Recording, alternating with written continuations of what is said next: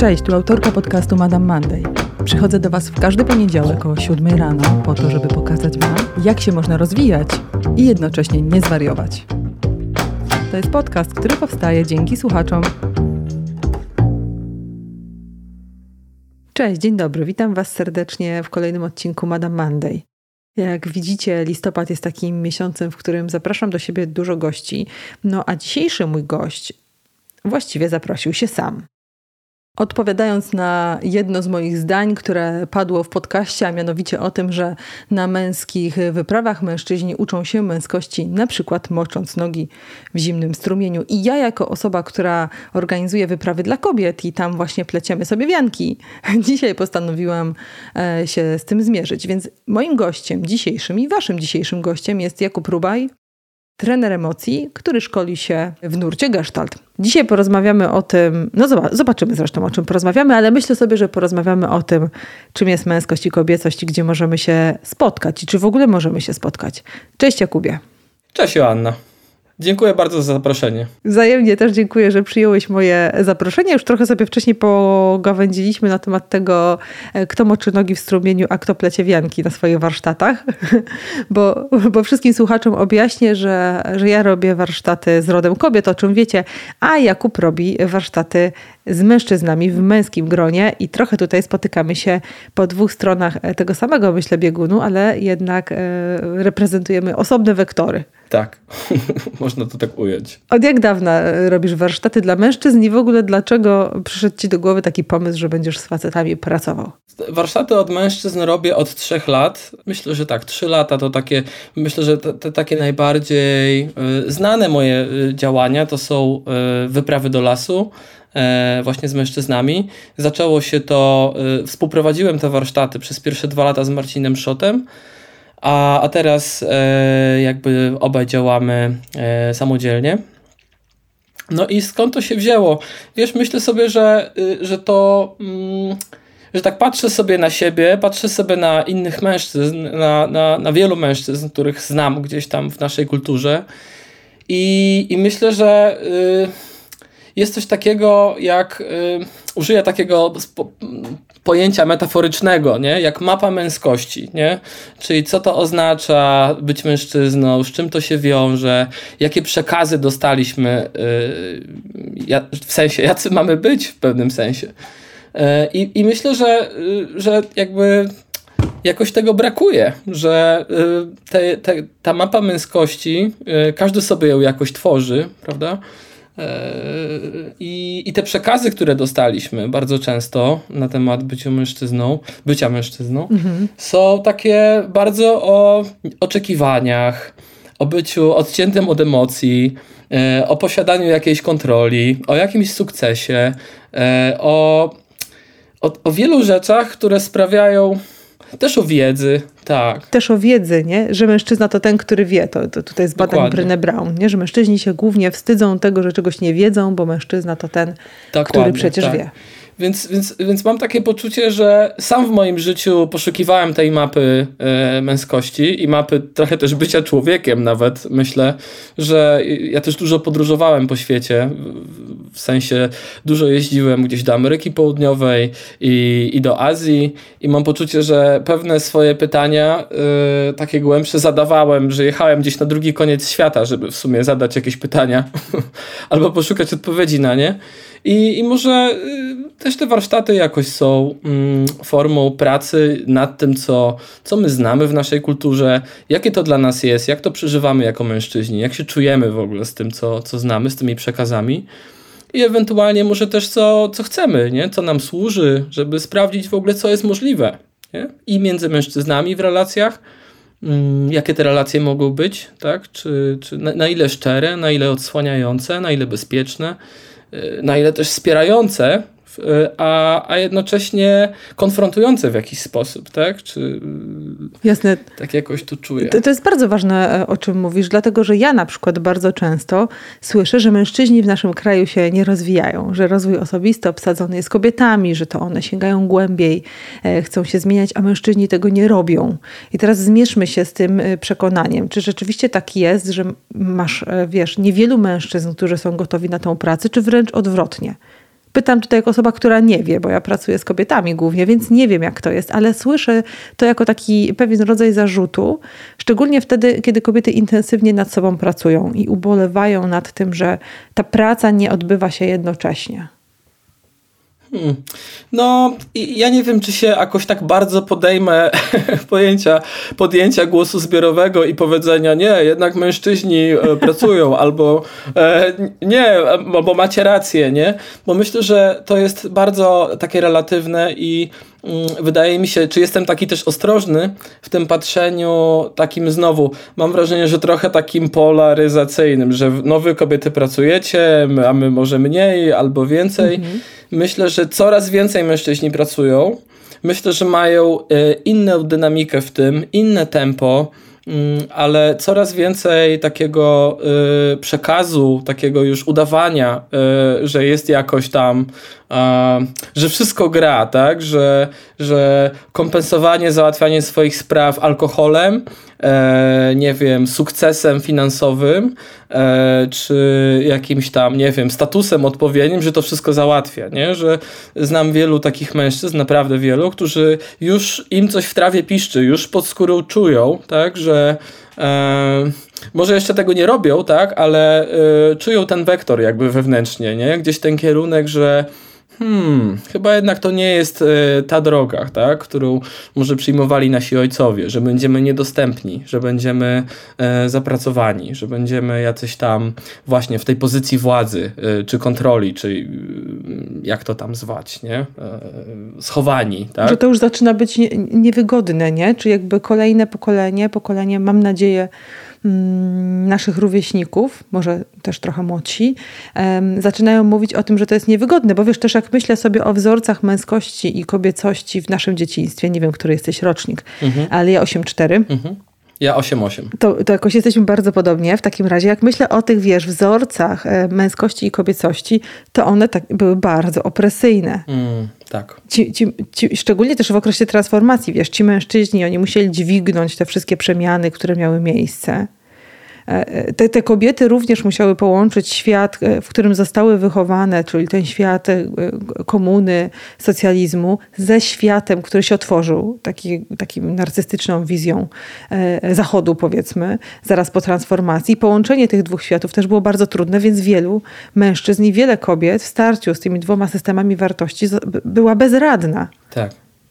Tak. To my dopiero się zaczynamy sobie odczytywać i zadawać sobie pytania, no ale to w ogóle jakim ja chcę być człowiekiem. Dokładnie. Nie tylko jak tą, tą rolę społeczną chcę spełniać, y, matki, ojca, partnera, partnerki, ale jakim ja w ogóle chcę być człowiekiem, kim ja jestem.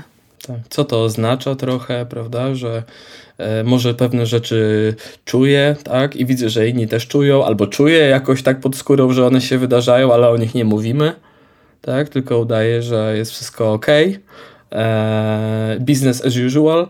E, tak. A, a, a też myślę, że to trochę jest o tym, że nie musimy już tkwić w takim survivalu i adaptacji, jak nasze poprzednie pokolenia, tylko y, dzięki temu, że no, mamy trochę inną sytuację, nieco, nie wiem, bardziej stabilną, komfortową w jakiś sposób, nie?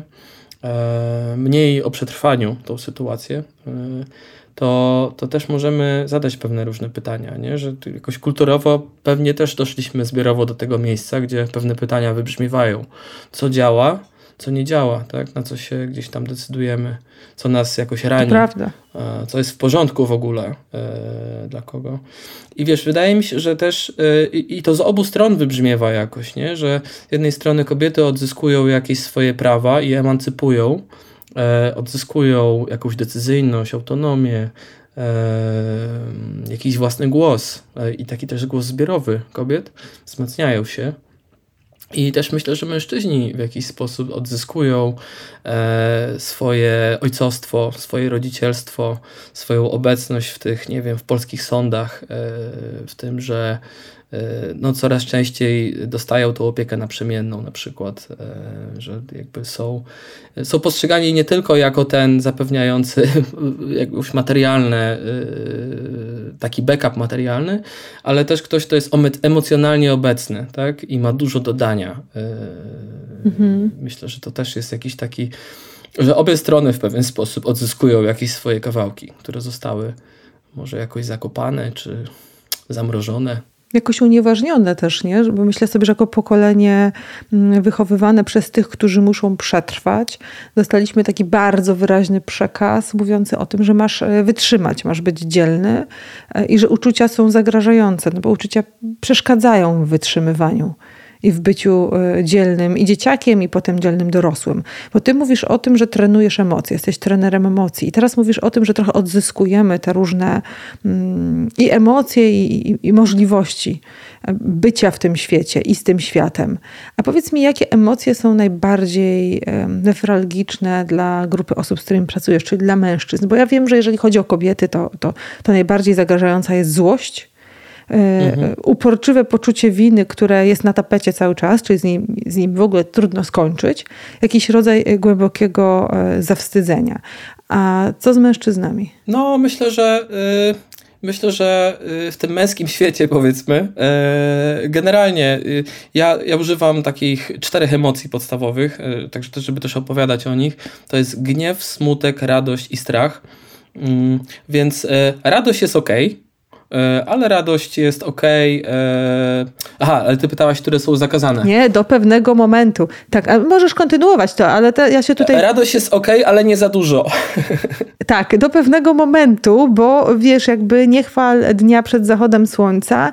No i też jak jesteś już dojrzałym, dorosłym mężczyzną albo matką, nie? dojrzałą, dorosłą kobietą, no to też nie możesz być taki Dokładnie. za bardzo radosny. Musisz ek eksponować, że to życie jest ciężkie, tak, jest tak. takie trudne trudne. Musi boleć trochę, prawda? E, że możesz się cieszyć, tak, ale w tym całym naszym świecie o produktywności, o tym, że nie możesz pokazać y, ani trochę, że być może y, cieszysz się za bardzo, no bo jak się cieszysz, to nie robisz, prawda?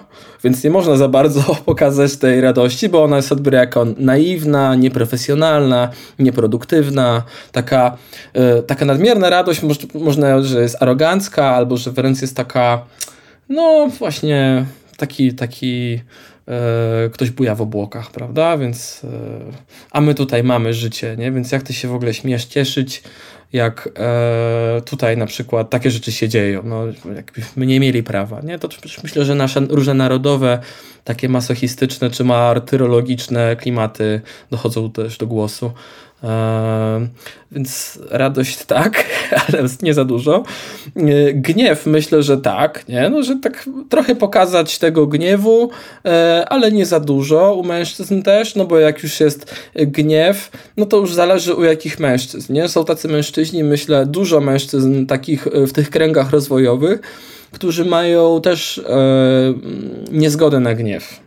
Bo gniew jest nieoświecony, bo jest nierozwojowy, bo nie chcemy być my już mężczyźni, jak ci dawni mężczyźni, przemocowi, ci tacy przemocowcy, e, więc my będziemy tacy lepsi, tak, tacy inteligentni, rozwojowi, świadomi, tak, więc e, no, z tym gniewem różnie bywa, nie? Natomiast myślę, że tak społecznie ogólnie e, w korkach... Ale jeszcze coś dodam do, do tego gniewu, jedną ważną rzecz, bo mi się wydaje, że gniew jest też dopuszczalny wtedy, kiedy on demonstruje siłę, mnie coś wkurza, ja mam siłę to, e, to zmienić, ale kiedy się pojawia gniew, który towarzyszy bez, bezradności, jestem wkurzona, ale nic nie mogę z tym zrobić, mogę się tylko powkurzać na świat, to wtedy ja rzadko taki gniew widzę. Czyli ludzie są bezradni, bezsilni albo nie mogą niczego zmienić, i wtedy to już się przeradza w jakiś cynizm, jakąś taką ironię, ale nie ma tam gniewu, który pokazuje, moje granice są naruszone. Nie, że ja tu jestem sprawczy, tylko wkurzam się, bo moje granice są naruszone. To zresztą dotyczy też kobiet. No i, i, też myślę do tego, do tej puli jeszcze gniew, który w ogóle przykrywa strach, nie? To myślę, że u mężczyzn jest bardzo częste. Jestem zawstydzony, e, przestraszony, zaniepokojony czymś, tak? Czy to takie jakieś, nie wiem, właśnie męskie ego, e, takie właśnie, któremu nie można nic powiedzieć, e, bo jest już takim autorytetem gnącym się pod własnym ciężarem.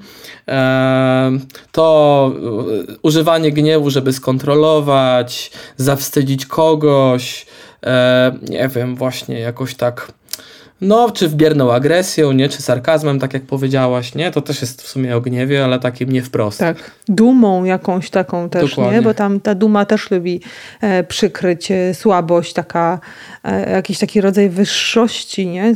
Bez, bezrefleksyjnego oceniania innych, albo na przykład e, jestem taki krytyczny, albo taka krytyczna i taka już jestem.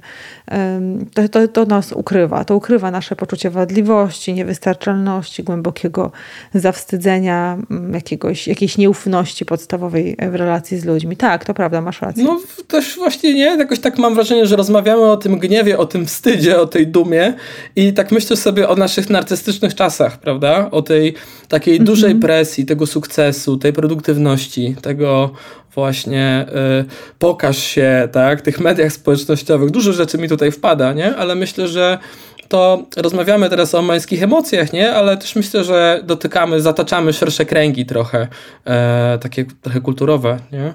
Także to, bo wiesz, tą wizję trzeba dźwignąć. Nie? Ona jest nie tylko obietnicą tego, że możesz być kimś wyjątkowym, e, ale jest przede wszystkim potężnym brzemieniem, że co jest e, z tobą, że nie jesteś wyjątkowy.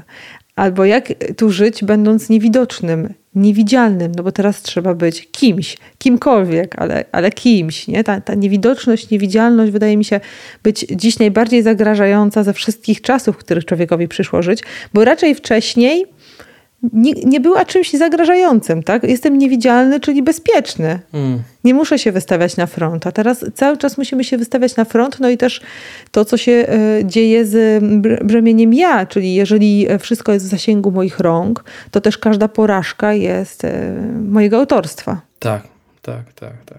No, trudno to pokazać, nie odsłonić się w tym. No i jakaś taka właśnie drapieżność w tym gniewie czasami, czy takie właśnie, nie wiem, napięcie, wytwarzanie takiej napiętej atmosfery czasami to w tym pomaga, nie? Mimo, że często czuć, że pod tym ostrym pancerzem, pod tą taką e, groźną fasadą jest bardzo wrażliwy na jakąś krytykę, bardzo wrażliwe serduszko tam bije, bardzo wrażliwa istota tam żyje, nie? I, i, I, myślę, że to też trochę odpowiada na moją potrzebę pracy z mężczyznami.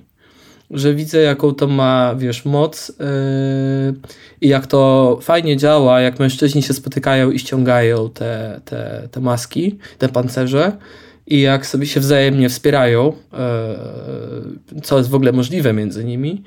I, i, i też yy, jak, jakoś tak zbiorowo y, obalają te, te, te rzeczy i te pancerze i transformują i stwierdzają, że ja już w sumie nie chcę, nie chcę dłużej udawać, nie?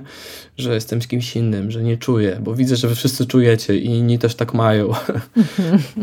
To może być odkrycie, nie? A ja tu od razu jeszcze dodam dla wszystkich słuchaczek, które słuchają, że pamiętajcie, e, dziewczyny, e, że tak owszem, tam, dziewczyny, kobiety, e, że tak owszem, tam pod tym grubym pancerzem może się kryć wrażliwy mężczyzna i w to wierzę.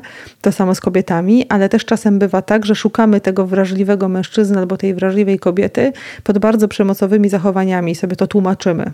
Czyli wydaje nam się, że tam na dnie tego mężczyzny, w którym ja się zakochuję, a który jest osadzony w więzieniu na 20 lat za morderstwo, jest jakiś mały, e, skrzywdzony chłopiec, którym ja się zaopiekuję.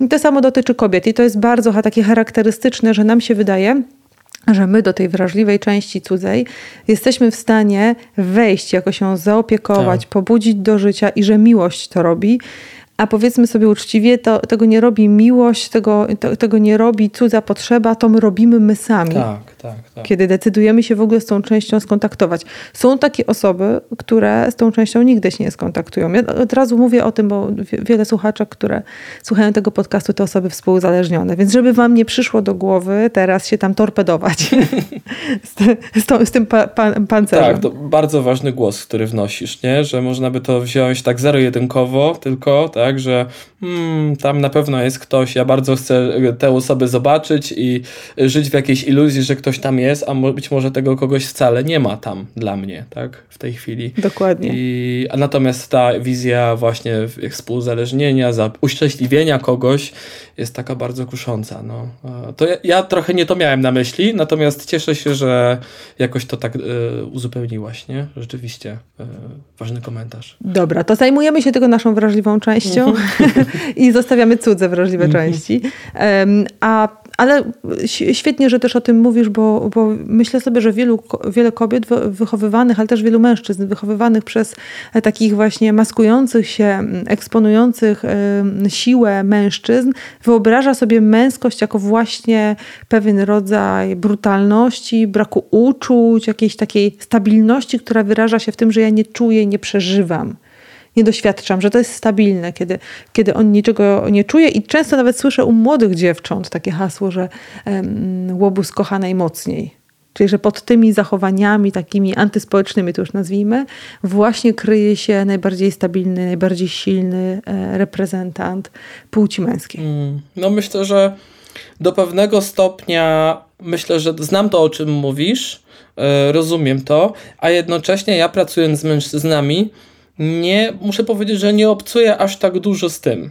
Wiesz, raczej, raczej spotykam mężczyzn, którzy mają tego dość, e, albo nie wiedzą, e, jak zintegrować swoją moc, swój taki dostęp do właśnie, teraz użyję słowa agresywności, tak? ale nie w takim sensie, że ktoś jest agresywny i czyni przemoc, jest nieodpowiedzialny i zadaje ból e, psychiczny czy fizyczny, nie w tym sensie.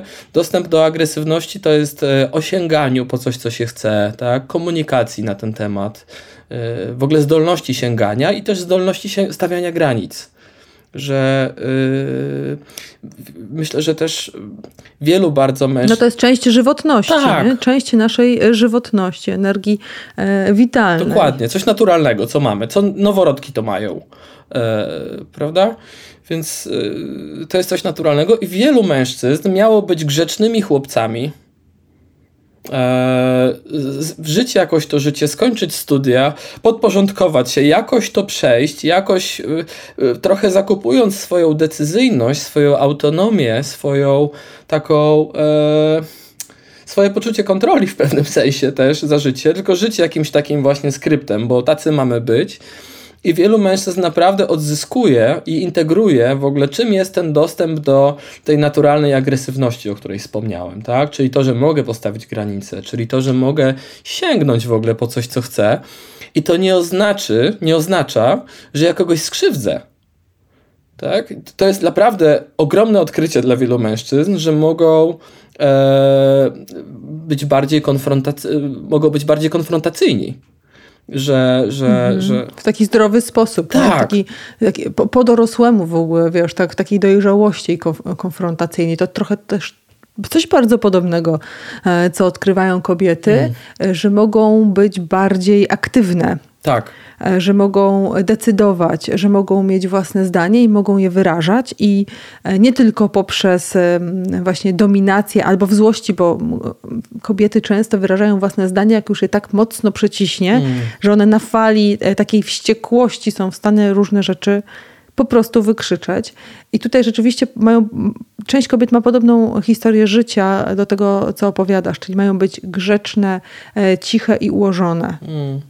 No właśnie. Czyli to dotyczy, wiesz, obu płci, nie? Bo sobie tak wyobrażamy, że mężczyznom się pozwalało na wszystko w dzieciństwie i dlatego oni są dzisiaj tacy mm, pewni siebie e, i tacy, wiesz, jakby zagarniający przestrzeń a kobietom nie pozwalano na nic, dlatego one dzisiaj e, wiesz, nie potrafią walczyć e, o swoje potrzeby i wyrażać własnych emocji. To, to, co mówisz, trochę pokazuje, że to nie jest prawda. To są jakieś nasze uproszczenia albo, użyję innego języka, fantazje na temat tego, e, co przeżywa druga płeć w procesie wychowania. Takie trochę klisze wydaje mi się, nie? Też, bo myślę, że są tacy mężczyźni, którzy w duchu tego, że mamy być silni, tak, to oni są tacy silni, ale to jest takie nadmuchane trochę właśnie przykrywające strach, niepewność, niekompetencje, niewiedzę, tak? Więc ja się nadmucham i będę taki yy, właśnie takim trochę, takim trochę wróblem z powpinanymi skrzydłami jakiegoś jastrzębia, tak? Takimi powpinanymi trochę na siłę, nie? Tak, tak, mm -hmm. tak, tak, jakoś mi się to kojarzy.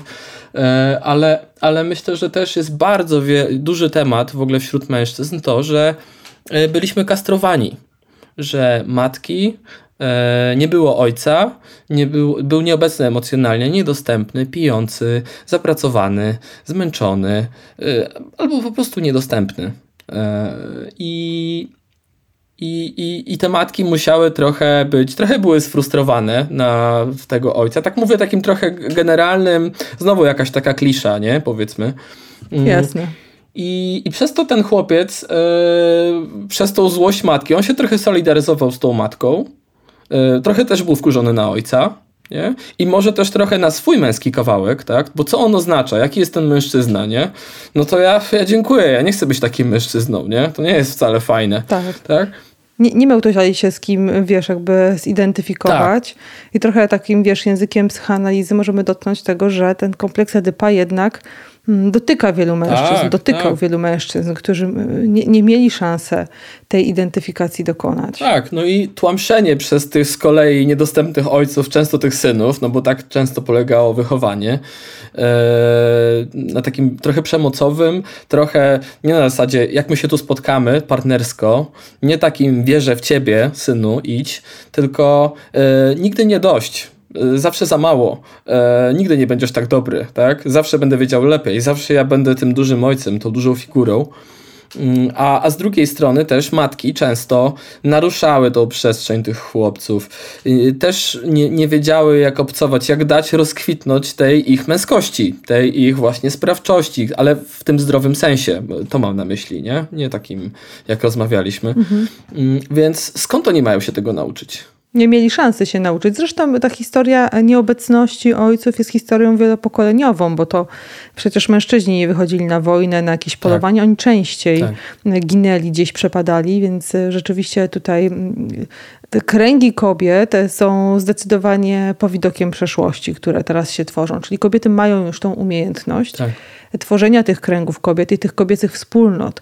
Mężczyźni chyba dopiero się tego uczą. Za to moim zdaniem mężczyźni potrafią w braterstwo, czyli w pewnym sensie mogą sobie ufać, gdzieś się nauczyli, że e, to zaufanie jest dobrą walutą, a kobiety nie potrafią jeszcze w siostrzeństwo. No, myślę, no właśnie dlatego nie wiem jak u kobiet.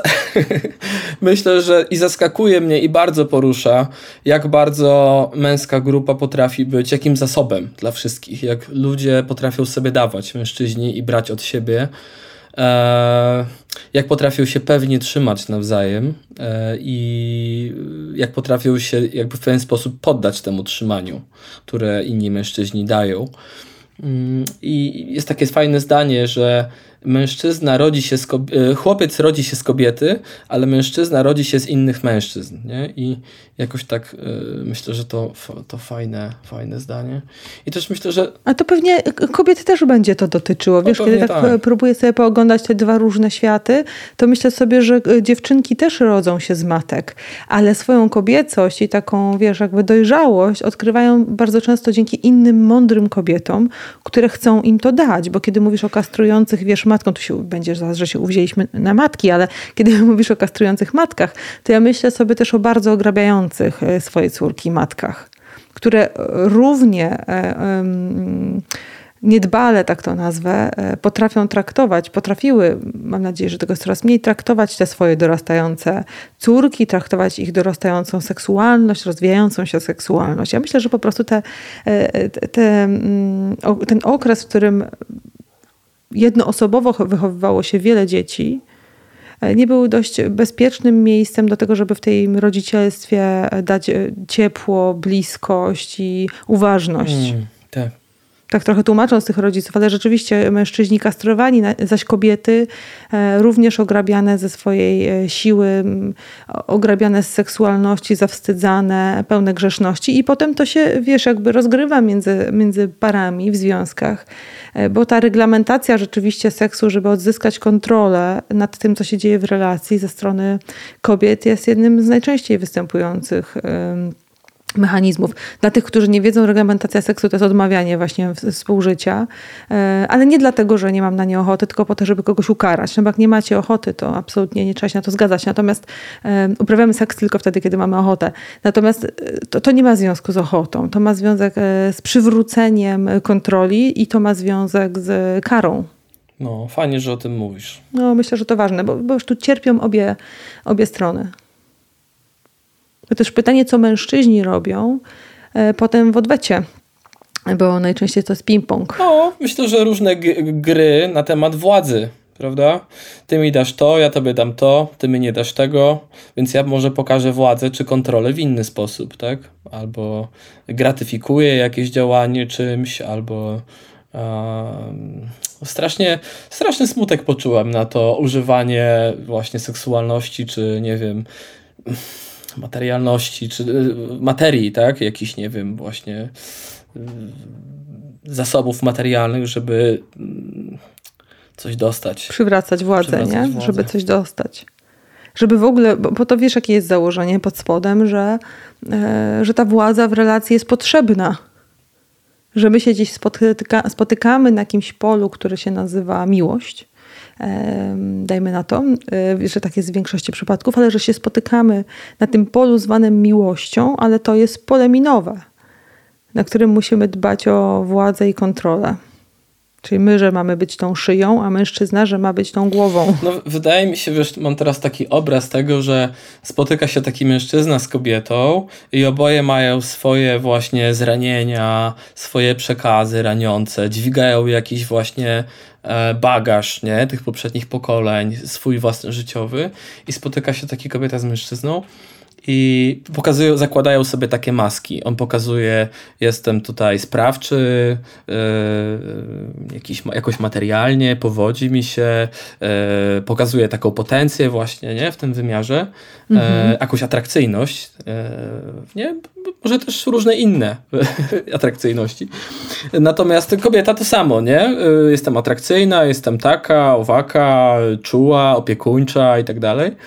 I, I wydaje mi się, że y, ta kontrola, właśnie o której rozmawialiśmy, nie? I, I to się tak że jakby opuścić tą maskę i zobaczyć to, o, y, tego człowieka z tymi właśnie niepewnościami, z taką czasem mhm. byle jakością, niewiedzą, nieogarnianiem, bezsilnością, tak? To y, jest ogromny strach, że ktoś nas odrzuci. Tak, tak.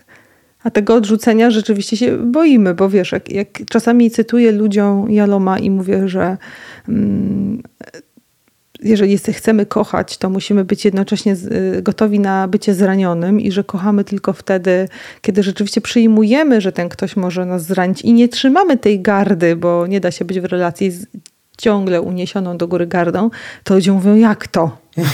Jak to? Miłość oznacza zgodę na bycie zranionym nigdy w życiu.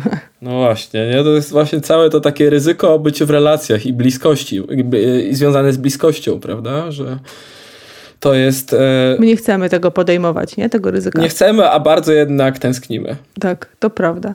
A wróćmy na chwilę jeszcze do emocji trzeciej i czwartej. Mhm. Okay. Bo mamy ze sobą radość, mamy ze sobą e, gniew tak. i jeszcze smutek i co tam jeszcze strach. mamy? U tego pluchnika strach, tak. E, więc smutek u mężczyzny, no to taki, taka nie wiem, taka trochę, tak jak my to wypisujemy na tablicy, nie, o smutku, jaka jest emocja na warsztatach, no to zazwyczaj pada miękka faja, no, że mhm. smutas, tak, że smutek to właściwie taka emocja przegrywa. Jak czujesz smutek, to jesteś przegrywem. E, ona, no, pokazać smutek u faceta, no to po prostu jakby już e, w pewnym sensie samobójstwo. W pewnym i dosłownym, nie? Bo jak spojrzymy na, na skalę samobójstw w Polsce, no to na 15 samobójstw, tak średnio, codziennie, statystycznie jest 15 samobójstw, 12 z nich popełniają mężczyźni. No właśnie, ostatnio ktoś mi zadał pytanie, e, dlaczego tak jest?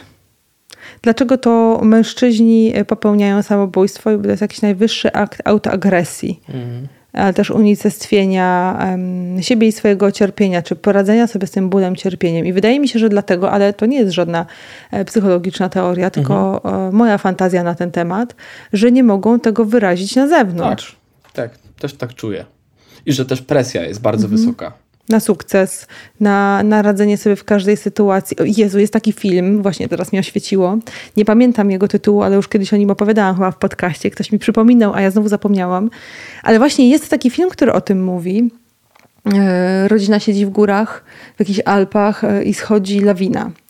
E, siedzą sobie w jakiejś takiej restauracji otwartej na, na takiej werandzie. Matka, dziecko, ojciec. Nie wiem, pamiętam, czy to była dwójka dzieci, czy jedno. W każdym razie ta lawina schodzi, wygląda jakbym miała natychmiast y, przykryć cały ten ośrodek, w którym oni jedzą obiad.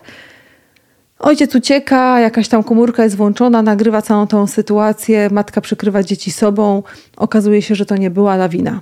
Okazuje się, że to był tylko taki, jakieś takie zjawisko e, w górach, mhm. które przykryło mgłą po prostu ten ośrodek. Mgła opada, ludzie wracają do jedzenia obiadu, oni wracają do hotelu, odpalają ten telefon i widzą to nagranie, kiedy on ucieka. Mhm a to ona przykrywa. No i cały film jest o tym, co się dzieje między nimi, co się dzieje w relacji, e, kiedy ona orientuje się, że on jest po prostu człowiekiem, mhm. który może się czasem bać.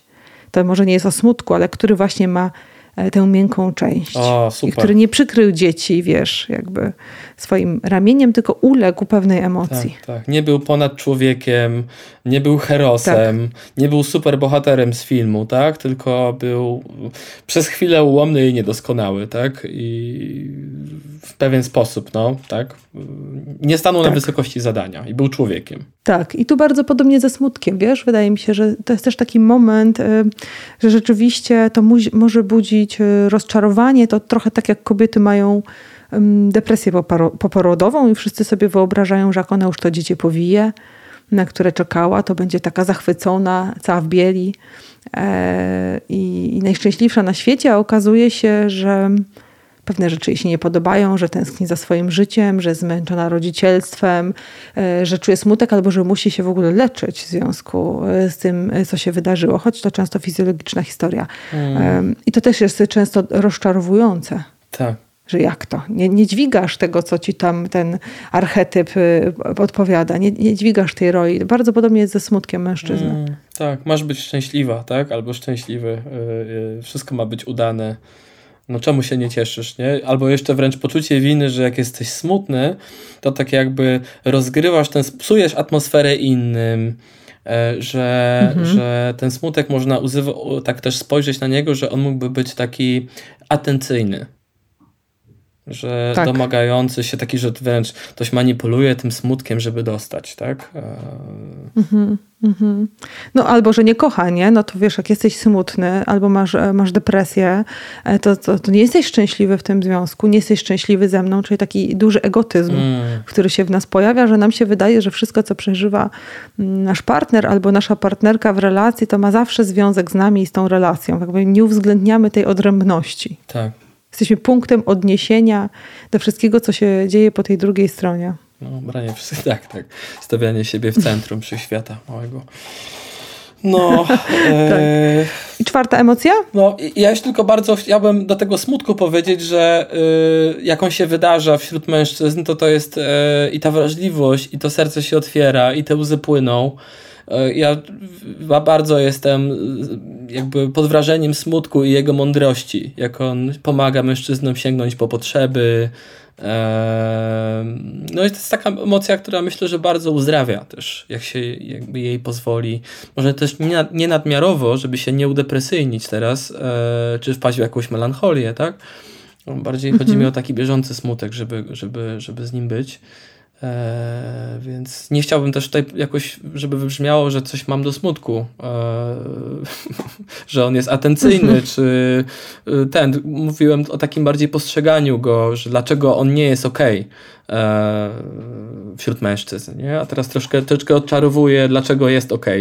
Mm, no tak, może. a z drugiej strony, wiesz, smutek pozwala nam e, bardziej refleksyjnie myśleć. Dokładnie. No. Jest poznawczo bardzo taki pomocny, szczególnie wtedy, kiedy chcemy podjąć ważne decyzje życiowe. I rzeczywiście tam na giełdzie raczej grają smutasy, nie? Panowie e, w smutnych garniturach i ma to rzeczywiście związek z ich większą skutecznością, bo smutek jest taki refleksyjny on jest blisko ziemi, on jest uziemiający, on pozwala nam podejmować racjonalne decyzje e, i jakoś tak jest, to, to jest paradoksalne, że od mężczyzn oczekujemy dużej racjonalności, ale nie pozwalamy im na smutek, który ich uziemia. Hmm. Do tej racjonalności. Tak. To tak jak od kobiety oczekujemy emocjonalności, e, czułości, bliskości, opiekuńczości, ale kiedy przeżywają zbyt dużo, zbyt mocno, zbyt mocno rezonują, to mówimy o nich, że są histeryczkami. Mm, tak. No coś, Ten sam coś paradoks. jest rzeczywiście, tak. No. Mam już poczucie, że troszeczkę temu smutkowi, e, no, zależy mi na nim, żeby nie wyszło jakoś tam. Myślę, że on jest bardzo ważny. No, a jeśli chodzi mm -hmm. o mhm. strach, wydaje mi się, że to jest najgorsza, najgorsza z emocji dla mężczyzny do przeżycia. Nie? Ten strach, może też często strach powiązany ze wstydem, e, bo wstyd jest jakąś formą strachu, prawda? Jakimś takim dookoła trochę przed dyskredyta dyskredytacją. Tak, lęku przed odrzuceniem, wiesz, banicją, nie? Wręcz. Tak, tak. Czy wykastrowaniem znowu, czy jakimś takim poniżeniem, czy e, no, różne rzeczy, nie? Tutaj dochodzą. Więc wszystkie te takie chłopięce zabawy, gdzie się mówi nie bądź cykorem, albo gorszego słowa się używa, E, I mhm. okazuje się, że wszyscy nagle, wszyscy mężczyźni to znają. Wszyscy wiedzą, o czym mowa z tym strachem, tak? Wszyscy podskórnie czują, że e, coś tutaj leży. Że mają ten rodzaj inteligencji, tak. nie? Bo tak. to jest rodzaj inteligencji, zdolność do odczuwania strachu. Nie? Tak, tak. Że mają go, mają. I dopiero gdzieś tam w bezpiecznej przestrzeni warsztatowej e, to mnie jakoś z jednej strony, to mnie trochę przeraża, nie? że potrzeba bezpiecznej przestrzeni warsztatowej albo jakiejś nie wiem, quasi-terapeutycznej, czy terapeutycznej, czy gabinetowej, żeby, żeby to się mogło wydarzyć w pewnym sensie, nie? że jest tak małe przyzwolenie kulturowe na strach. E, chodzi mi o wśród, wśród, wśród mężczyzn. mężczyzn tak wśród mężczyzn, bo kobiety się mogą bardziej bać. Ten strach rzeczywiście jest ogrywany przez nie na różne sposoby, czyli mamy wyuczony taki repertuar behawioralny związany ze strachem, z sięganiem po pomoc, y, opieraniem się na męskim silnym ramieniu. E, natomiast mężczyźni niekoniecznie mają się na, na czym oprzeć, mm. E, a rzeczywiście w dzisiejszych czasach dziś mają bardzo trudne zadanie, bo kiedy żyliśmy w takich większych, wielopokoleniowych e, rodzinach, to ten ciężar gatunkowy odpowiedzialności materialnej za rodzinę spoczywał na wielu członkach tej rodziny. Nie, tam był jakiś dom, jacyś dziadkowie, pradziadkowie, jakieś dziedziczenie. Tak. Potem pojawiła się, pojawił się okres zaborów, wiesz, wiele straciliśmy, a potem właśnie ten dynastia, nie? E, czyli nowy świat, w którym trzeba, po którym się trzeba poruszać i rzeczywiście tutaj mężczyźni wśród tych rzeczy, które, o których mówiła Brené, e, wstydzą się przede wszystkim tego, że nie wiedzą, a potem tego, jak sobie radzą właśnie w rzeczywistości e, finansowej, materialnej z tą odpowiedzialnością. Mm, tak. No i na wielu z nich ta odpowiedzialność nadal spoczywa i rzeczywiście bardzo niemęskie, weźmy to w cudzysłów, to nie jest niemęskie, ale ba za bardzo niemęskie uznaje się mówienie przez mężczyznę o pieniądzach odwoływanie się do pieniędzy, tak. podpisywanie intercyzy, oczekiwanie wspólnego finansowania rodziny, upomnienie się o pieniądze. Tutaj myślę o sytuacji relacji z kobietami, że to jest niemęskie. Tak, takie nieheroiczne nie właśnie nie jest obraniu na siebie jakiejś nadodpowiedzialności w pewnym sensie, tylko i właśnie władzy też kontroli, nie? E, tylko o tak. takim byciu prostym śmiertelnikiem, który ma jakieś ograniczenia, który ma jakieś potrzeby, który ma jakieś limity też. Yy, tak jakby to... Nie no coś ty, to przecież jest obciachowy gość no właśnie, po prostu, no. jeżeli wiesz, nie zapłacił za ciebie w restauracji. No przegryw po prostu, no. Albo tak. zapytał o cenę jeszcze w dodatku, ile coś kosztuje. O nie, najgorzej jak się targuje, nie? No to najgorzej. Czy jest ta presja na, na mężczyzn, no ta tak. delegacja do tego, żeby oni z tymi pieniędzmi się w taki szczególny sposób obchodzili, ale ten, wiesz, jakby e, od razu przerzuca się na swoją y, stronę miedzy, że jest też presja na kobiety y, i na ich seksualność między innymi. Mm. No, że jak to, że ona jest taka oziębła, nie? Mhm. Jak ona może nie chcieć, ciągle ją boli głowa, nie? Czyli jakby są te presje, one są takie bardzo atawistyczne. No. Ona, że ma lubić dzieci i ma być e, gotowa do tej ciągłej reprodukcji, a on, że to wszystko po prostu potem weźmie i utrzyma. No. Bez marudzenia. Mi się wydaje, że to też, o czym powiedziałaś odnośnie tej e, ewolucji czy rewolucji w też w pewnym sensie rodziny, nie? Czy że te rodziny stały się o wiele bardziej taką e, takie atomowe, nie? Odcięte od dziadków, odcięte od społeczności wspierającej, to jeszcze bardziej podkręca tą presję, nie? I tą, e, że każdy wszystko musi mieć swoje, każdy musi być wystarczalny, musi opłacić przedszkole, jakąś dobrą opiekunkę, dojechać do pracy. E, jakoś tak myślę, że, że, że to też jest jakiś istotny czynnik tutaj. Mm, czy jakoś to jest klarowne, co mówię? Jakoś zrozumiałe? Tak, tak. Jest to bardzo klarowne, że e, rzeczywiście konsumpcjonizm nam zrobił. Hmm. I że uwierzyliśmy w to, ja nawet wczoraj miałam taką rozmowę, że uwierzyliśmy w to, że jeżeli nie zjesz e, posiłku w restauracji, bo nie jesteś głodny i zabierzesz do domu, mhm zapakujesz, zabierzesz do domu, to że właśnie to jest e, wiocha straszna. No bo przecież jeżeli, wiesz, jeżeli zabierasz jedzenie, za które zapłaciłeś do domu albo nosisz trzy razy tę te, te, te, samą sukienkę na różne imprezy, no to to jest wiocha, nie? To, I się zastanawiałam nad tym, co my mamy, naprawdę w to uwierzyliśmy, co my mamy w tych głowach, jaką mapę świata, że uwierzyliśmy w to, że jeżeli nie szanujemy własnych pieniędzy, to jesteśmy super ludźmi. Mm. Że jeżeli nie, nie szanujemy jedzenia, to jesteśmy e, świetni, że możemy być ponadto. I to jest trochę też o tym, o czym ty mówiłeś, nie? że wszystko musimy mieć e, swoje, mm. że, że, że ta edukacja dla dzieci musi być szalenie droga, że te zajęcia dodatkowe. Tak że mężczyzna, e, który kocha, to kupi największy mm, pierścionek z największym diamentem, e, jaki jest na rynku, i to jest ten dowód miłości. Tak. Że ulegamy e, tym presjom zewnętrznym. Tak jakbyśmy to, kim jesteśmy, to było za mało. Tak jakby to było nie dość dobre, niewystarczające. Jeszcze więcej, Dokładnie. jeszcze coś dołożę, jeszcze bardziej zacisnę zęby, tak? Mówiąc z kolei właśnie tym głosem po mojej stronie miedzy, bo to jest fajne określenie. E, mhm. Właśnie jeszcze zacisnę zęby, nie? Jeszcze nie powiem, jeszcze pocierpię w samotności. E, mhm. Nie pokażę, nie? Nie, nie odsłonię się, tylko jeszcze więcej się dam, nie? Jeszcze będę bardziej męski, czy jakiś właśnie, nie wiem, może właśnie dość dobry, chociaż przez chwilę.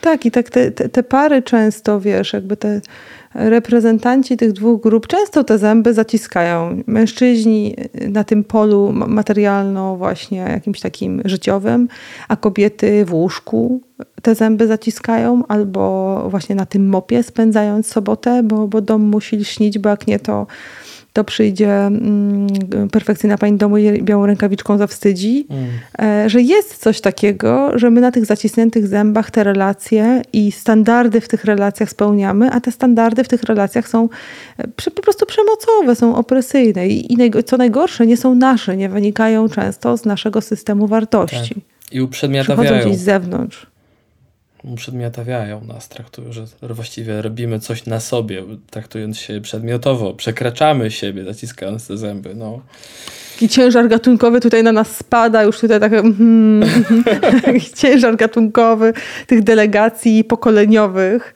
E, bo jako terapeuta systemowy myślę sobie e, o tym, że, wie, że, że te delegacje są zewsząd, nie? I od przodków, i od przyszłych pokoleń, wbrew pozorom, jak sobie wyobrażamy, czego potrzebują nasze dzieci, takie systemowe, kulturowe, środowiskowe i gdzieś tam się trzeba e, w tym, z tym ułożyć.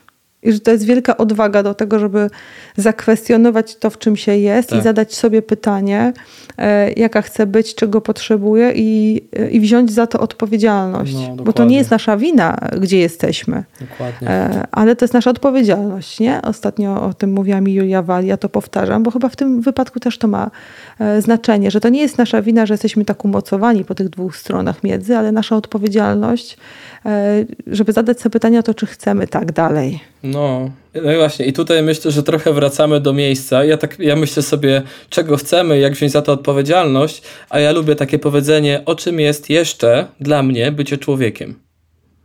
Kim jeszcze mhm. jestem, nie? Czy mogę być też tym? Czy czy jakaś część mojego człowieczeństwa jest też o tym, na przykład, że jest dostęp do agresywności, czy jakaś część jest o tym, że mogę się bać, czy jakaś część jest o tym, że mogę być wrażliwy i podatny na zranienie i można mnie zranić, bo mam serce, tak? Mhm, mhm. I... Że nie jesteśmy monolityczni. Tak, tylko składamy się z wielu części. Dokładnie, nie? nie? I że tak jak gdzieś tam wychodząc z tego naszej myśli, nie? tej naszej rozmowy o męskich warsztatach i kobiecych, że kobiece to plecenie wianków, a mężczyźni to tam rąbią drewno e, i prężą muskuły, to myślę, że tak. właśnie też o tym jest ta praca, nie? Praca z mężczyznami, przynajmniej mhm. dla mnie, nie? Że odkrywamy, co jeszcze jest możliwe w pewnym sensie. E, kim jeszcze jesteśmy. Tak, to prawda dokąd jeszcze możemy zmierzać. Tak. To jest dla mnie, też jest mi to strasznie blisko, co prawda, bliskie. Ja co prawda pracuję z rodem kobiet, czyli z wszystkimi tymi kobietami, które przyjeżdżają e, z kobietami, z którymi pracuję, czyli w ich mentalnej e, przestrzeni emocjonalnej, z rodowymi częściami, ale też jest to o tym, do czego mnie delegują poprzednie pokolenia, co one tam do mnie mówią i, i czy ja to kupuję Czy ja dziękuję i idę swoją drogą, nie? Co ja zrobię z własnym życiem? A powiedz coś jeszcze bardzo takiego optymistycznego na zakończenie, jeżeli mogę cię prosić. Oj, e, wiesz co, no mam poczucie, że ta praca się dzieje. E, że to jest niesamowicie poruszające, jak dużo mężczyźni mają sobie do dania e, w takim nie, niematerialnym w ogóle wymiarze tym jak ze sobą są, tym jak tego potrzebują, tym jak sięgają w ogóle po, no, po siebie, nie? po wsparcie, po bycie zobaczonym, po prostu spędzenie czasu, po właśnie to braterstwo. Nie? Więc ja, ja jestem takim tutaj akurat. Yy, no nie wiem, no mam bardzo. Może, może yy, skupiliśmy się, czy ja skupiłem się w rozmowie na, na tych takich trudach, tym co znamy. Yy, trochę to odczarowywaliśmy też, mam wrażenie ale myślę, że bardzo dużo tego odczarowywania mm, się po prostu dzieje w, w naszym świecie, nie? Że, tak, że, to prawda. Że to już, to już jest, nie? Że tych grup męskich kręgów, e, e męskich warsztatów, no, jakby spotykam też młodszych mężczyzn, nie? którzy mają o wiele większy dostęp w ogóle w mówieniu o tym, na przykład mam stany lękowe, tak? I, mhm. i w pewien sposób to się już normalizuje. Y, o wiele bardziej, nie? Taką mam obserwację, że bycie człowiekiem się normalizuje. Jesteśmy na dosyć dobrej drodze Słuchaj, do tak. tego, żeby się jakoś zmierzyć z własnym wspólnym człowieczeństwem, nie? które nas dziś łączy wszystkich razem, nie? żeby też zmierzyć się z normalnością, że z tego wysokiego konia my po prostu musieliśmy zacząć spadać i, i te upadki bywają bolesne, ale, ale potrzebne i wydaje mi się, że trochę to się dzieje i właśnie taką lekcję teraz odrabiamy. W takim razie dziękuję Ci serdecznie za to, że przyjąłeś e, zaproszenie moje i mojej społeczności i trzymam kciuki za wasze rąbanie drewna i za e, wytrzymajcie za nasze plesenie wianków. Myślę, że właśnie jedno i drugie. Rąbanie drewna i właśnie miękkie poddanie. Musimy się może, wiesz, wymienić tymi praktykami e, i zobaczyć, jak to popracuje, bo może tu jest jakiś efekt, efekt takiej synergii odkrywania tej drugiej części siebie dopuszczania tego w ogóle do siebie. No super, dziękuję bardzo za zaproszenie, bardzo ciekawa rozmowa, e, bardzo miło mi było, e, bardzo ciekawa rozmowa, o tak, może powiem, e, super mi się ciebie słuchało i, i tak super mi było też słyszeć takie twoje odbicie po drugiej stronie, jak też widzisz, jak jakoś oboje z różnych stron patrzymy, jak to trochę jest, nie? Jak mhm. to odczuwamy jak to trochę wygląda, nie? jak to można sobie to na to wiesz, jak to można popatrzeć na to. No dobra, to dziękuję Ci w takim razie. Dziękuję Wam serdecznie za to, że jesteście, że słuchacie, że wspieracie podcast i co? Słyszymy się za tydzień. Jeżeli macie ochotę podzielić się ze mną swoją historią w kolejnej odsłonie, którą będzie Madame Monday słucha, to dajcie znać.